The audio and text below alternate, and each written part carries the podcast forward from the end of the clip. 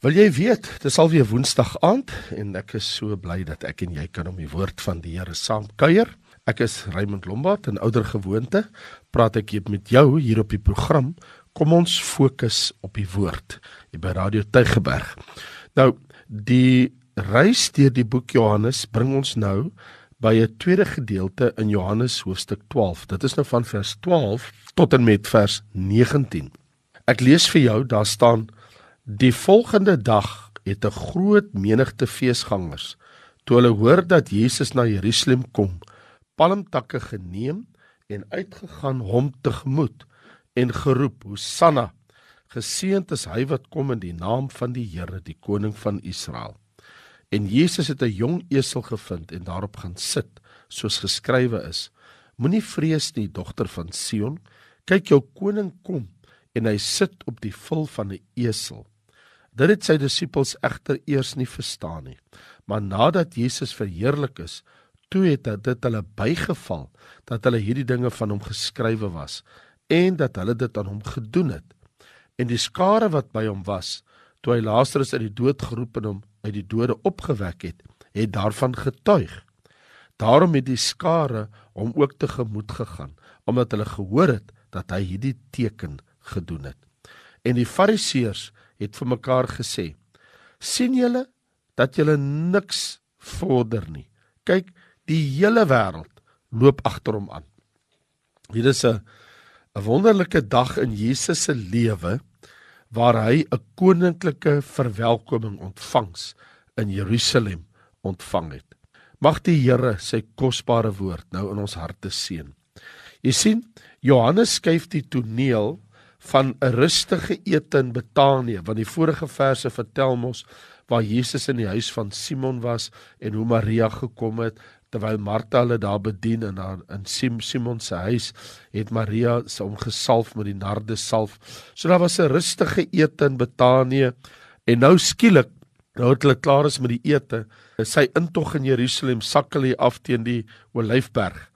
En wat uh, aangrypend is, is hierdie rasige publieke intog, hierdie parade van Jesus teen die Olyfberg af in die stad Jerusalem.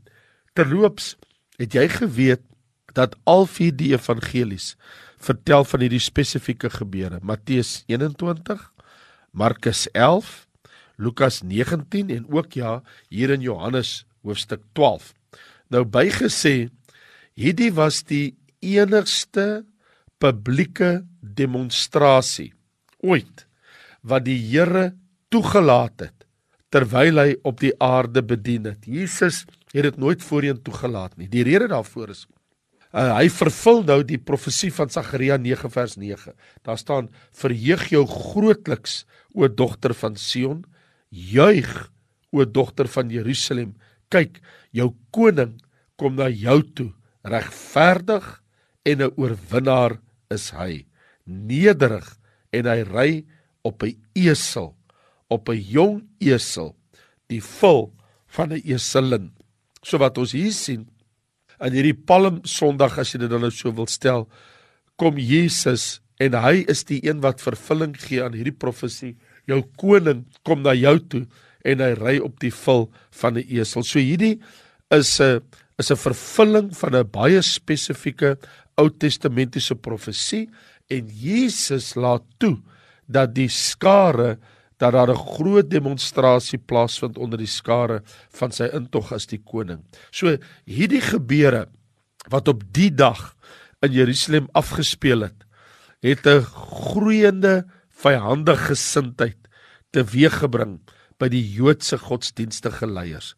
Dit het in die finale geresulteer dat hulle het gevra dat Jesus moet gekruisig word. Want onthou, hierdie is Jesus se koninklike ontvangs, sy koninklike verwelkoming. Onthou dit was Paastyd, né? So dit is feestyd, dis Paasfees. Kajafas en die ander Joodse leiers, hulle te hitlus.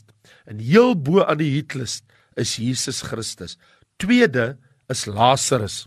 En die mense stroom na die stad Jerusalem van heidene en ver. Daar word gesê dat een jaar was daar so baie mense by die Pasgafees word daar geskryf deur Josefus dat daar 260 000 lammers geslag was. Nou as 10 mense van 'n lammer eet, die vleis van 'n lam, want dis was gewoonlik so in Israel tot 10 mense kon eet van 'n lam. So as 10 mense van 'n lam sou eet en jy sou dit nou vermenigvuldig, uh, is dit 2.6 miljoen mense wat in die stad Jerusalem was. Dis baie moontlik dat hierdie getal natuurlik nou uh ver uh, vergroot is, maar die punt is nog steeds as jy 260 000 lammers slag uh by 'n Pasga, dan wys dit vir jou hoeveel duisende van honderde duisende en etlike miljoene mense daar was. So hierdie skare mense wat Jesus die dag volg, is inderwaarheid twee groepe nê. Want die een skare het mos gesien hy Lazarus uit die dood uit opwek. Die ander groep Hulle kyk nou vir sy intog in Jerusalem. So ons het hier twee groepe skares. Die een kom daar oor die nek van die berg, daar van Betanië af en hulle smelt saam in hierdie een groot skare massa mense wat gehoor het maar Jesus kom nou Jerusalem toe en die mense wag teen die hange van die Olyfberg en uit die stad uitstroom die mense in hulle duisende om vir Jesus te hoor en al daardie duisende mense was inderwaarheid nou opgemaak as jy wil uit drie verskillende groepe mense. Hoekom sê ek dit? Onthou, die een groep kom van buite Judea. Hulle het mos na die Paasfees toe gekom. Hulle het mos nou nie gekom vir Jesus nie. Hulle kom mos vir die jaarlikse Paasfees. En volgens die wet moet alle Joodse mans moet na die Pasga toe kom. So die een groep mense wat gekom het na die stad toe, is mense wat net vir die Pasga gekom het. Hulle kom uit uh, uit Galilea en omliggende lande. Hulle kom van oral oor. Hulle kom vir die Paasfees. Maar dan is daar die lokale mense. Dis die mense wat in Betanië en Bethlehem, maar veral in Jerusalem bly. Hulle bly sommer net daar in en om die stad Jerusalem. En dis mos hulle veral die mense daar van Betanië en Jerusalem wat die opwekking van Lazarus uit die dood uit gesien het. So jy het hierdie een groep mense, hulle weet van niks van Jesus en en al die drama van Lazarus nie. Hulle hulle kom net vir die Pasga. Maar nou het jy hierdie ander groep. Nee nee, hulle hulle weet van hierdie man wat 4 dae dood was en uit die graf uit opgewek is. En hulle wil kyk wat gaan aan. En dan het jy die godsdienstige leiers, dis die derde groep. Hulle was baie bekommerd want uh, want jy kan sien wat sê hulle in vers 19 die fariseërs sê vir mekaar sien julle dat julle niks vorder nie kyk die hele wêreld loop agter hom aan so hulle het hierdie gevoel van hoe kan ons van Jesus ontslaa raak die hele wêreld loop agter hom aan hulle was glad nie gelukkig nie maar onthou hier was 'n tyd van groot opgewondenheid want dit was 'n intense tyd moet ek bysê want die spanning loop hoog tussen Jesus en die Joodse leiers. Maar wat die mense betref, hulle stroom in groot getalle om vir Jesus en Lazarus te sien. So eintlik hier is 'n plofbare situasie aan die ontwikkel. Wat 'n konteks wat ontstaan het in die aanbieding van die koning. En ek wil nou met jou praat oor die koning wat verskyn in Jerusalem. En ek het jy het nou gesien. Hier staan geskrywe, hulle het palmtakke geneem. Hulle het uitgegaan, hulle het uitgeroep, "Hosanna!" en geseënd is hy wat kom in die naam van die Here, die koning van Israel. Nou, Hosanna beteken letterlik red. In ander woorde, red ons of as jy wil, Here, red hom. So was baie soos die die Britse uh, in Engeland wanneer die mense sing God save the king, maar natuurlik deesdae God save the queen nou dat daar nie 'n koning is nie, maar daar 'n koningin is. Soos wat hulle sê God save the queen. So wat jy sê Hosanna is red. Dit is dieselfde trant. Nou hierdie uitroep op daardie dag toe Jesus op die eselsvul sit as die koning wat teen Olyfberg afkom na Jerusalem toe. Toe was daai uitroep Hosanna is 'n antisiperende uitroep. Die mense het Jesus gesien as hulle verlosser. Die pelgrims reisigers, hulle het hulle klere op die pad oopgegooi. Hulle takke van die bome afgekap. Hulle het op die pad gestrooi. Weet jy, as jy gaan lees in, in Matteus hoofstuk 21, is baie aangrypend, nê? dat die 21ste hoofstuk en dan verwys ek nou na die gebeure wat uitgespeel het daar in vers 7 en in vers 8 waar ons lees en die grootste deel van die skare het hulle klere op die pad oop gegooi en hulle takke van bome afgekap en gestrooi het uitgeroep Hosanna vir die seun van Dawid geseënd is hy wat kom in die naam van die Here Hosanna in die hoogste hemele red en, en wonderlik Hulle het palmtakke rondgeswaai. Hulle het Jesus verwelkom. Hulle het Psalm 118 vers 26 aangehaal want onthou Psalm 118 is 'n messiaanse psalm. Want daar's baie van Jesus in daai psalm, dis hoekom hulle praat van 'n messiaanse psalm. Maar wat aangrypend is, daar in die 26ste vers lees ons geseënd is hy wat kom in die naam van die Here. So die Bybel is besig om vervul te word. Hier kom Jesus op 'n eselsvul af na die stad Jerusalem toe. En Jesus word nou geproklaameer as koning oor Israel. So die mense juig, daar's vreugde. Dogter van Sion, jou koning kom en hy sit op die vul van 'n esel. So wat hulle betref, die koning is op pad. Nou jy weet 500 jaar van tevore het die profeet Sagaria dit voorspel. Jou koning kom na jou toe, sagmoedig en nederig en hy sit op die vul van 'n esel. En so nou vertel Lukas vir ons dat Jesus ry op 'n eselsvul waar geen mens nog ooit op gery het nie. Maar die mense, hulle is in ekstase. Daar is groot vreugde in Jerusalem.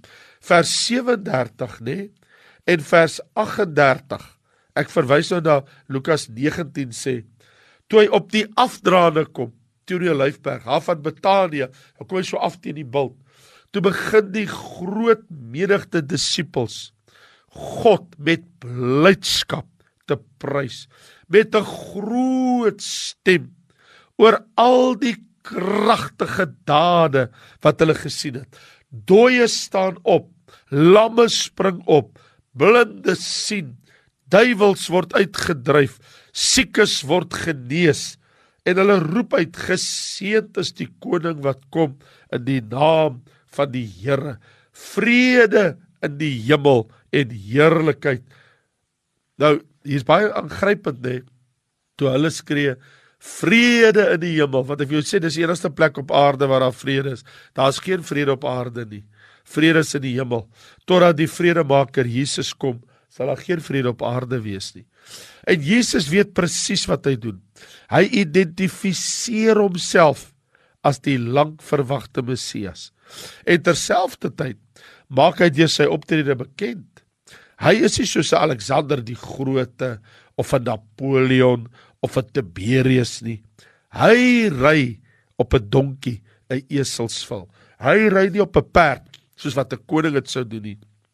Wat jy sien, Die esel, die donkie, is 'n dier van vrede. Die esel, die donkie, is 'n nederige dier. So Jesus is 'n ander soort koning. Sy nederigheid en sy vrede kenmerk hom dat hy is 'n ander tipe van koning. So hier is my vraag aan jou. Wat beteken hierdie gebeure vir Jesus. Wel, vir hom, hy vervul die profeseë. Die profesie van hoe die koning Jerusalem sou binnekom. Terselfdertyd roep die mense dogter van Sion.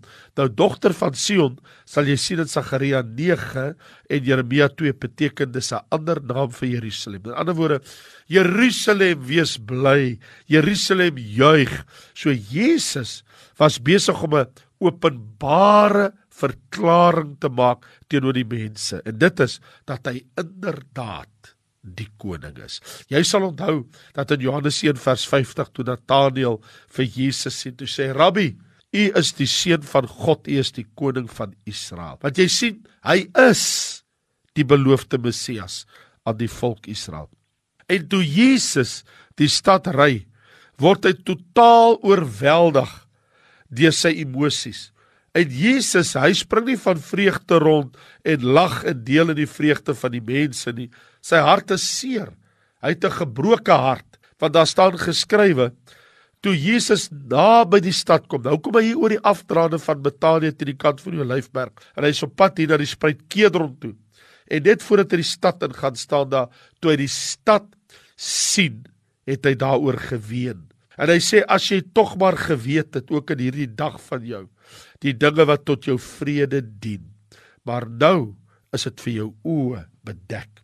Want daar sal daar kom oor jou waar jou vyande skans om jou werp en jou omsingel en jou van alle kante insluit. Hulle sal jou en jou kinders in jou teen die grond verpletter. Hulle sal nie een klip op die ander laat nie, omdat jy die gunstige tyd toe God jou besoek het, nie opgemerk het nie. Jesus is in trane want hy weet wat wag vir hierdie stad. Want jy sien die mense het gehoop dat Jesus bring vrede, dat hy die Romeinse juk gaan afwerp, maar Jesus weet wat voorlê. Omdat hulle hom gaan kruisig, kom daar oorlog, daar kom lyding, daar kom verwoesting, daar kom verstrooiing. Die stad Jerusalem se mense sal tot niet gaan en sal weggevoer word in ballingskap. Maar dit is waar. Toe Jesus gebore is, het die engele gesing vrede op aarde. Dit sien ons in Lukas 2. Maar in sy bediening het Jesus gesê in Lukas 12, hy bring verdeeldheid en oorlog op die aarde. So, dit is opmerklik dat die mense in Lukas 19 uitroep vrede in die hemel, want dis omtrent die enigste plek waar daar vandag vrede is. Daar's nêrens vrede op aarde nie. Hoe verskriklik, hoe vreeslik. Die volk Israel het hulle kans verbrou omdat julle die gunstige tyd toe God julle besoek het, nie opgemerk het nie. Die vraag natuurlik is maar wat van die Joodse leiers? Wel vers 19 sê en die Fariseërs het vir mekaar gesê: "Sien julle dat julle niks vorder nie? Kyk die hele wêreld loop agter hom aan. Hulle is met absolute afguns vervul toe hulle hierdie skare van duisende, der duisende mense sien. Die mense gooi hulle klere op die pad. Ons lees dat die mense strooi takke op die pad. Die mense juig wat hulle betref. Die mense, hier is die koning wat die skare betref. Hy moet 'n verwelkoming kry. Wat die fariseërs betref, wat gaan ons met hom maak? Ons moet van hierdie man ontslaa raak. Hulle gee Jesus 'n koue skouer. Wat bied jy vandag vir Jesus aan? Gee jy ook vir hom 'n koue skouer of eer hom as die lam van God? Eer hom as die saligmaker van die wêreld? Eer hom as die seun van God? Eer hom as die seun van die mens? Eer jy hom as jou redder, jou verlosser? Eer hom as die Here en die koning van jou lewe. Hulle het hom 'n verwelkoming gegee. Wil jy nie ook in jou hart vir Jesus 'n wonderlike verwelkoming gee? Vader, ons wil vir U dankie sê vir Jesus. Here Jesus, U is die koning. U is my koning. Kom woon in my hart en word verheerlik in en deur my lewe. En laat my lewe 'n diens wees aan die koning van die hemel. Amen.